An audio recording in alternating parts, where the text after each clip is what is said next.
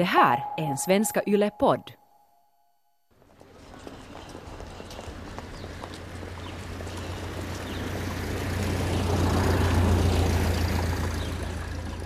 Stiller, nu. Min bror går omkring med Himmler. Himmler är här. Pass på. Och Stilla förstod genast att det här är en alarmklocka som ringer nu. Du lyssnar på podcasten Varför måste de dö? En serie om de judar som Finland deporterade i samband med andra världskriget och som nu fått, eller som får, varsin så kallad snubbelsten i Helsingfors. Så vi inte ska glömma Finlands deporteringar rakt i Gestapos armar.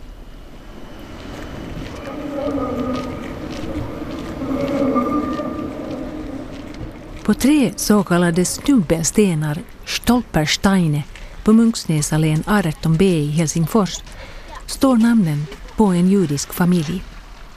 Här har vi pappa Georg Kollman, mamma Janka Kollman och deras barn Frans Olof Kollman.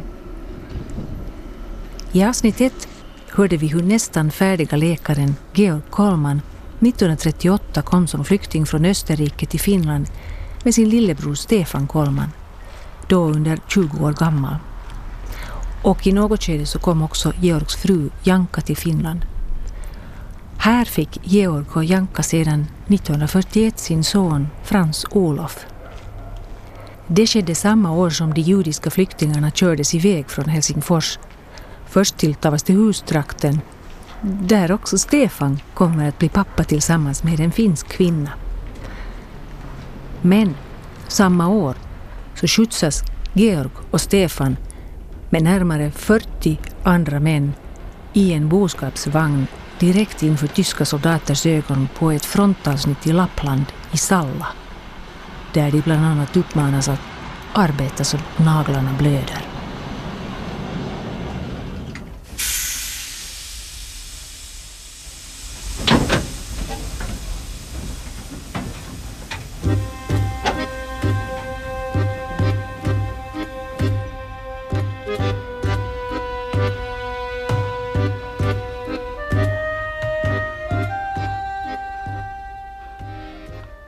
Kommer Heinrich Himmler, chef för SS och Gestapo, på sitt andra besök till Finland 1942.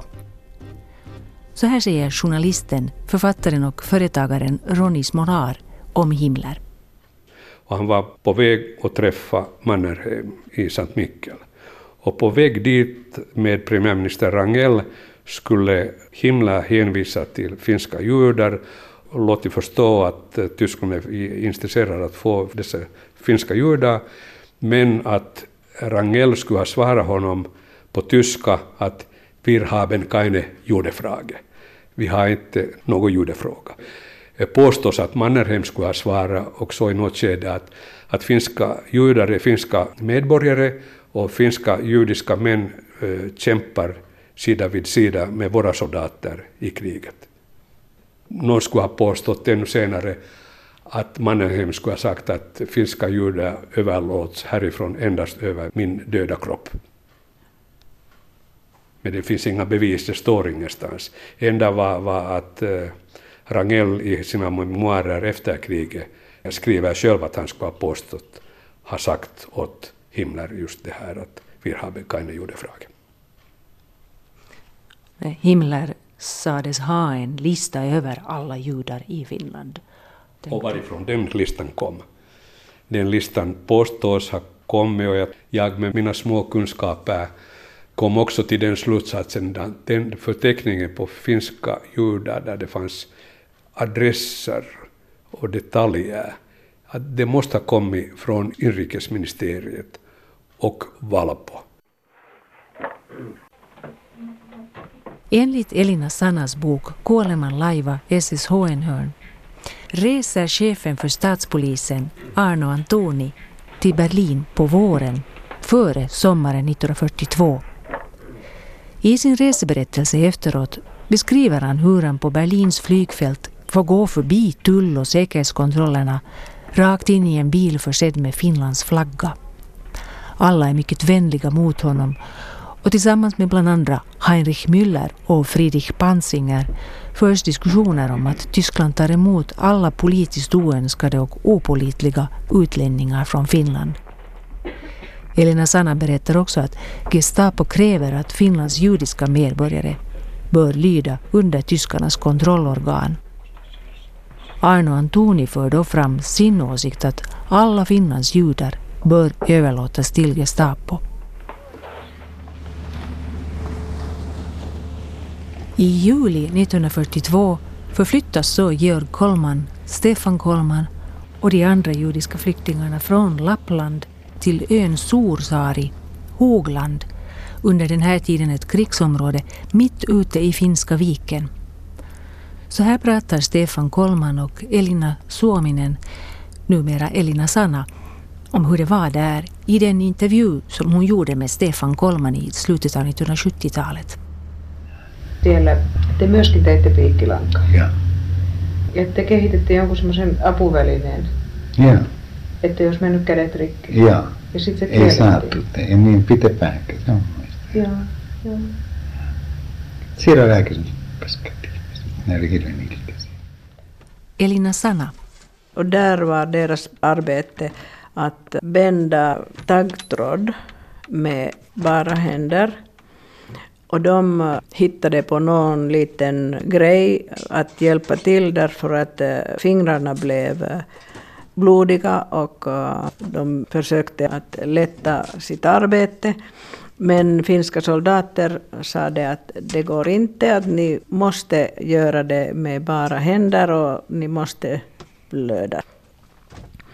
Så att det hade ingen mening med arbete utan också att attityder var mycket antisemitiska. Ronny Smolar har 2003 gett ut boken Sätta Stiller, farbror Stiller.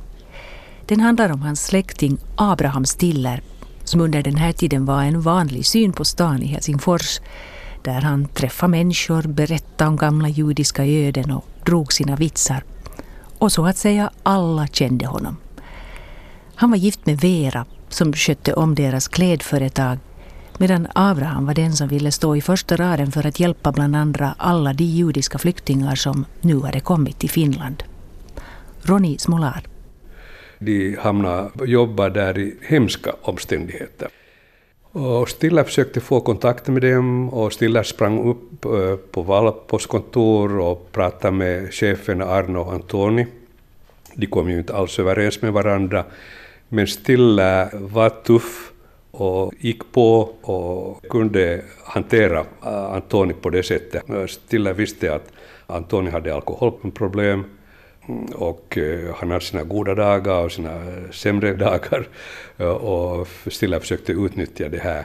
Men Valpo hade en biträdande chef som hette Ari Kauhanen som gjorde det så kallade smutsiga arbetet som förhörde flyktingar och misshandlade dem och, och och det var, det var faktiskt hemska tider då. Stilla beskrev det här allt åt mig. Jag kunde faktiskt eh, förstå att eh, det tog på Stiller också rätt så mycket, för han hade tagit åt sig den här rollen att han, han ska försöka. Det fanns ingen annan i judiska församlingen som skulle ha gått till Valpo. Det var Stiller.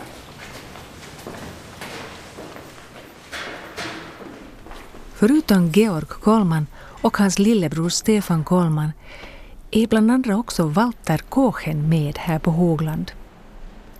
Hans berättelse är lite annorlunda för han är en läkare som under sin flykt från tyskarnas judeförföljelser i Belgien ser en liten tidningsannons om att Finlands myndigheter på grund av vinterkriget söker läkare eller annan vårdpersonal.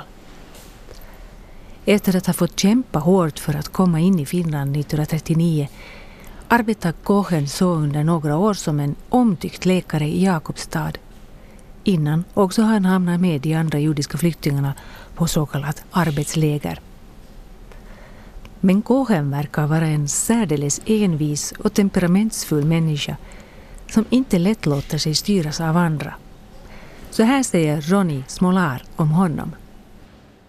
Han var en mycket självmedveten person. Vi förstås hade i bakgrunden det att han kom till Finland som ambulansläkare under vinterkriget och kom hit förstås för att rädda sig själv men också för att rädda finska sårade. Att han hade ju en god mening när han kom hit. Men ändå så tolkades han tack vare Valpo att alla judar ungefär är kriminella, alla ska förr eller senare bort härifrån. Nu på Hogland lyckas Walter Kochen på sommaren utverka permission åt sig från arbetslägret. Men så i Helsingfors, trots att permissionstiden redan har gått ut, sticker Kochen sig ännu in på hotell Carlton för att hälsa på sina vänner från Helsingfors judiska församling, bland dem Abraham Stiller. När statspolisen så leder ut Walter Kochen från hotell Carlton kastar han sig raklång på golvet i hotellets aula och ställer till med ett väldans uppträde. En scen som flera personer ser. Kohen kräver att få kontakta Mannerheims adjutant general Kekoni, dessutom socialminister K.A. Fagerholm och en advokat. President Risto Rytis bror Martti Ryti råkar vara närvarande. Inte helt nykter hotar han att ringa sin bror ifall statspolisens män inte ögonblickligen släpper doktor Kohen. Men Kohen förs tillbaka till Hogland.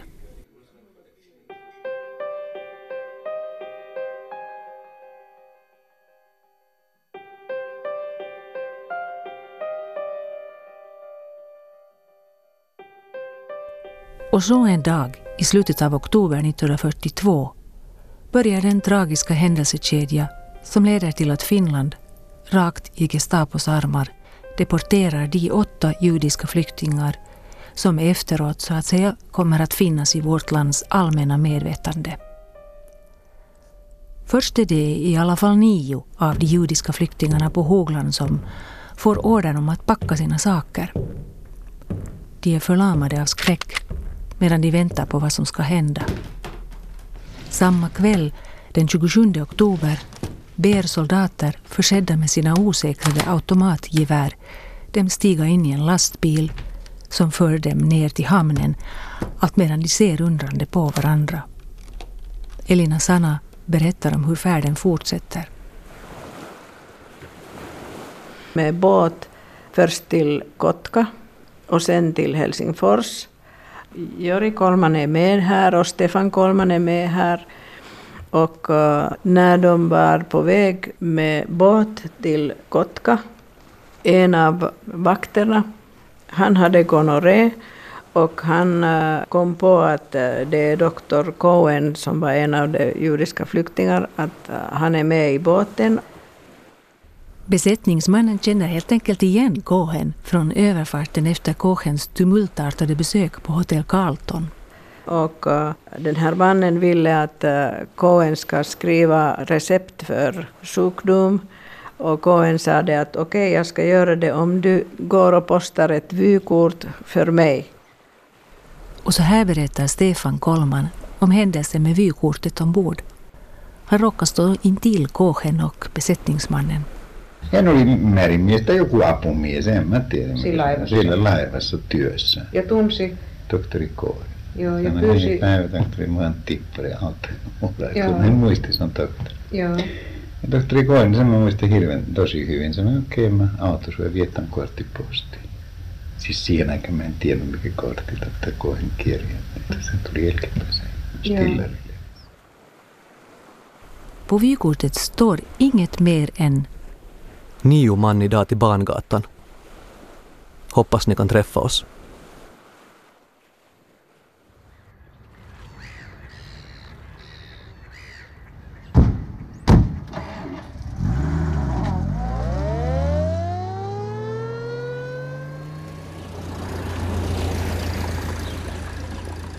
Väl i hamn i Helsingfors postar besättningsmannen uppenbarligen vykortet till Stiller.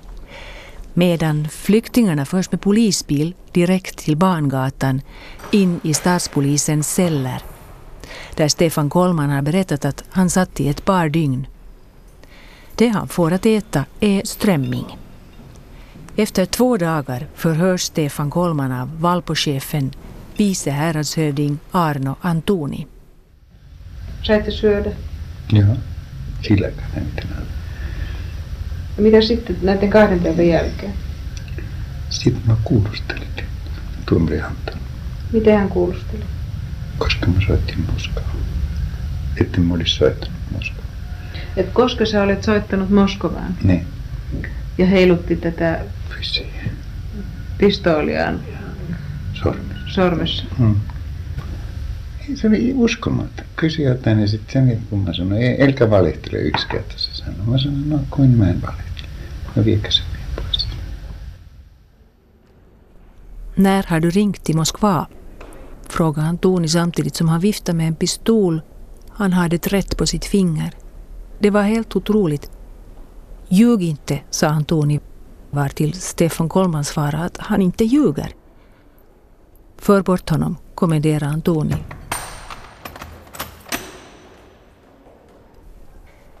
Walter Cohen tvingas fredagen den 30 oktober att skriva under en order om att han och hans familj ska bli utvisad. Hans fru och lilla barn har under ett överraskningsbesök hämtats till statspolisen från Jakobstad. Cohen tillåts föra ett kort samtal med sin fru och får då höra att deras barn är i ett litet rum helt nära. Han förbereder sig på att få ett kallt nej som svar när han ber om att få se sitt barn. Men till sin förvåning så får han tio minuter tid till att leka rida, rida, ranka med barnet. Därefter måste Kochen underteckna en fullmakt för en advokat som ska ta hand om deras kvarlämnade egendom i Finland. Av Kohens fru Rosi tas alla pengar med motiveringen att hon inte längre behöver dem. Detsamma konstateras om de kläder som Rosi har skickat efter sig och barnet till statspolisen, nu med motiveringen att familjen Kåchen inte längre ska komma att ha användning för dem. Elina Sanna konstaterar i sin bok Kuoleman laiva, SSH en hörn, att Georg och Janka Kollmans möte tillsammans med lille Frans Olof förmodligen var ett likartat möte som familjen Kåchens. Enligt handlingarna hade Janka och den ett och ett halvt år gamle Frans arresterats och hämtats till hemliga polisen torsdagen den 29 oktober. I likhet med Kohens order står det i Kollmans att Georgs och hans familj omedelbart bör lämna landet. Och även nu är ordern undertecknad av minister Toivo Horelli och avdelningschef Arno Antoni. En order som inte kan överklagas lyder slutklämmen på sista raden. Utvisningen ska ske följande morgon klockan fem tillsammans med också andra icke-judiska personer. Eftersom skeppet ska avgå så tidigt får flyktingarna redan dagen innan de saker de ska ha med sig.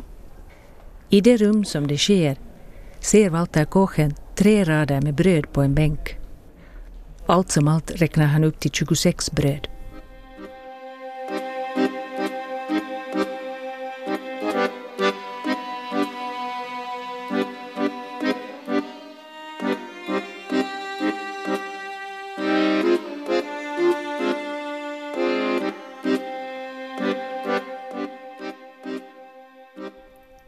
Samma dag som de här sista förhören görs för veckan på Barngatan, alltså fredagen den 30 oktober, dimper Walter Kochens kort ner genom Stillers brevinkast. 1968 berättar Abraham Stiller själv i programmet Sju dagar.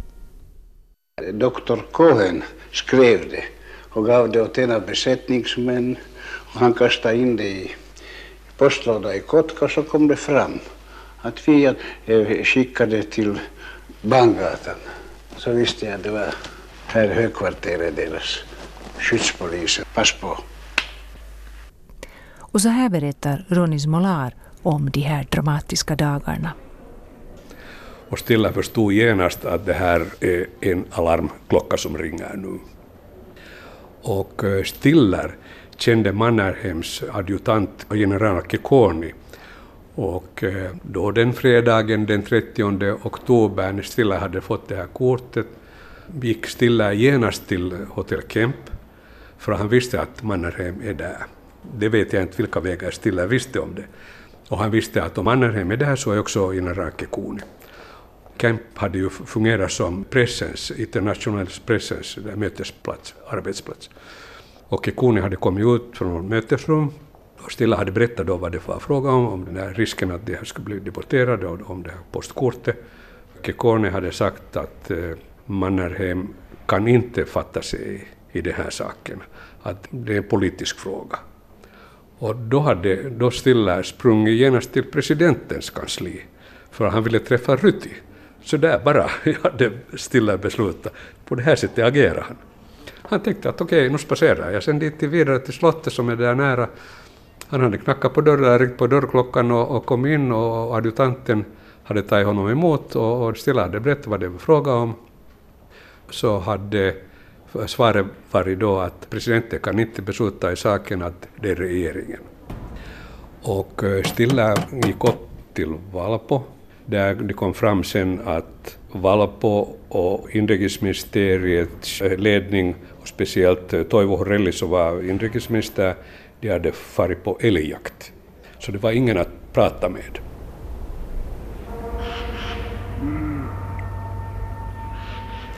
Men då kom han ihåg sin kontakt med Väinö Tanner och också Karl Fagerholm.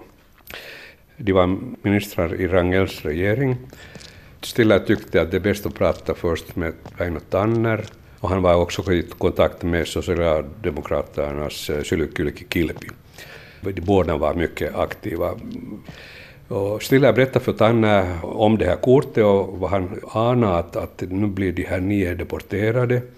Och då fick Stiller Väinö Tanner att kontakta Valpos, eh, någon som var där som de jour, att eh, Väinö Tänner sa åt honom att jag är den enda i regeringen som här i stan och jag fordrar att de här nio ska inte deporteras.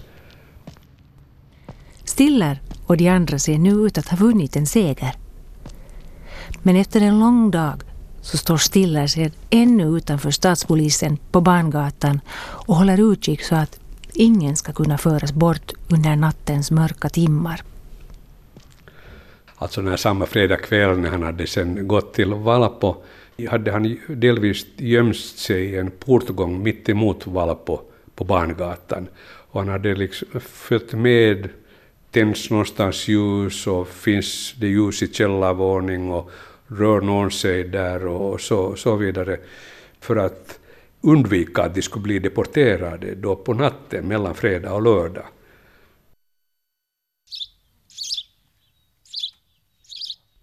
Följande morgon. Inne hos stadspolisen vaknar Kåchen och tittar förvånat på sin klocka. Klockan är redan sju. De skulle ju föras till skeppet klockan fem. Han börjar väcka andra i sina celler. Vad har hänt? Har de klarat sig? På andra dagen klädde jag mig i svart hatt och bibeln och ville ha en lördagsgudstjänst. Också inte menar jag någon gudstjänst, men jag menar att jag skulle slippa i kontakt med det. Men det blev avvisat av dem. De hade ingen fullmakt att göra det, för alla var bortresta, cheferna där. Inrikesministern Antoni, de var på älgjakt. Ja, och på det sättet fick han räddat hela det här läget över veckoslutet. Men så återvänder sällskapet från sin älgjakt. Och på måndag sen så kom det ju fram sen att eh, Väinö Tanner hade blandat i sig den här saken och Rangel, premiärminister, tyckte inte mycket om det och speciellt eh, inrikesminister Horelli tyckte inte alls om det för att eh, Väinö Tanner hade liksom trampat på hans tår. Och då hade Horelli fordrat att han ska få rätten att besluta i saken för att det tillhör honom. Och då tyckte premiärminister Rangel att Finland hade inte råd till regeringskris under kriget 42, att okej, okay, vi ska rösta. Och, och, det var en omröstning i regeringen och majoriteten röstade för att de här ska deporteras. Och det blev liksom offentligt rabalder av varför Finland kommer att lämna judiska flyktingar till Tyskland. En grupp mycket bekymrade flyktinghjälpare får bland annat flera dagstidningar att publicera ledare om asylrättens okränkbarhet. Inflytelserika personers namn samlas in på en adress och också bland annat i Walter Kochens hemstad Jakobstad skriver flera hundra personer sitt namn på en adress för att rädda Kochen. Sylvi Kyllikki Kilpi. Adressen översattes till finska och skickades till Rangell och tidningarna hade alla en ledare om asylrätt. Och det lär nog ha väckt en viss uppmärksamhet i Sverige. Men tiden höll på att gå ut och de som ville då vara med och hjälpa Tanner Fagerholm och Sylkylki Kilpi, de måste arbeta emot regeringens majoritet och premiärministern och inrikesministern och, och sen Valpo som var ändå mycket, mycket stark i den här saken.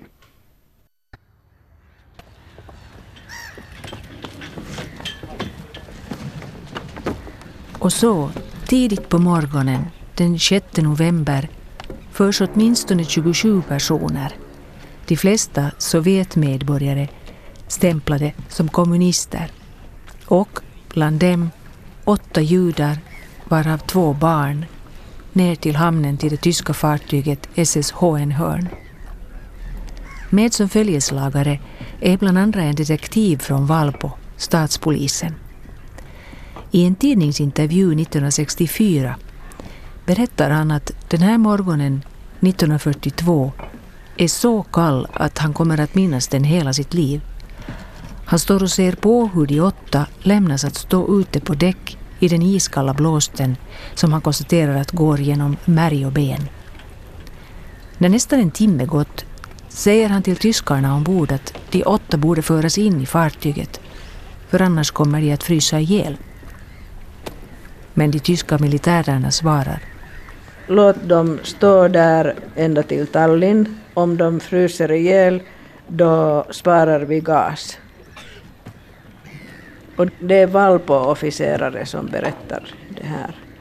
Men vi som var finska poliser, vi krävde att de ska föras inombords därför att de var ännu här på vårt ansvar och så förde tyskarna dem till fördäck men sade att de skulle dö i alla fall under resan.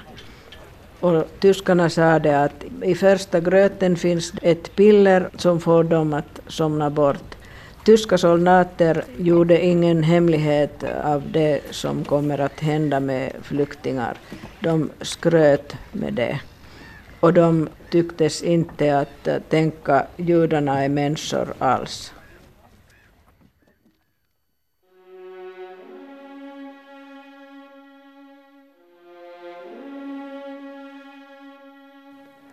Kommer alla att hamna i Auschwitz? Det får du höra i avsnitt tre av den här podcasten Varför måste de dö? Med uppläsning medverkade Staffan Gräsbäck. För ljuddesignen svarar Anne Heikkilä. Dramaturg är Are Nikkinen. Producent Staffan von Martens. Redaktör är jag, Mi Vegelius.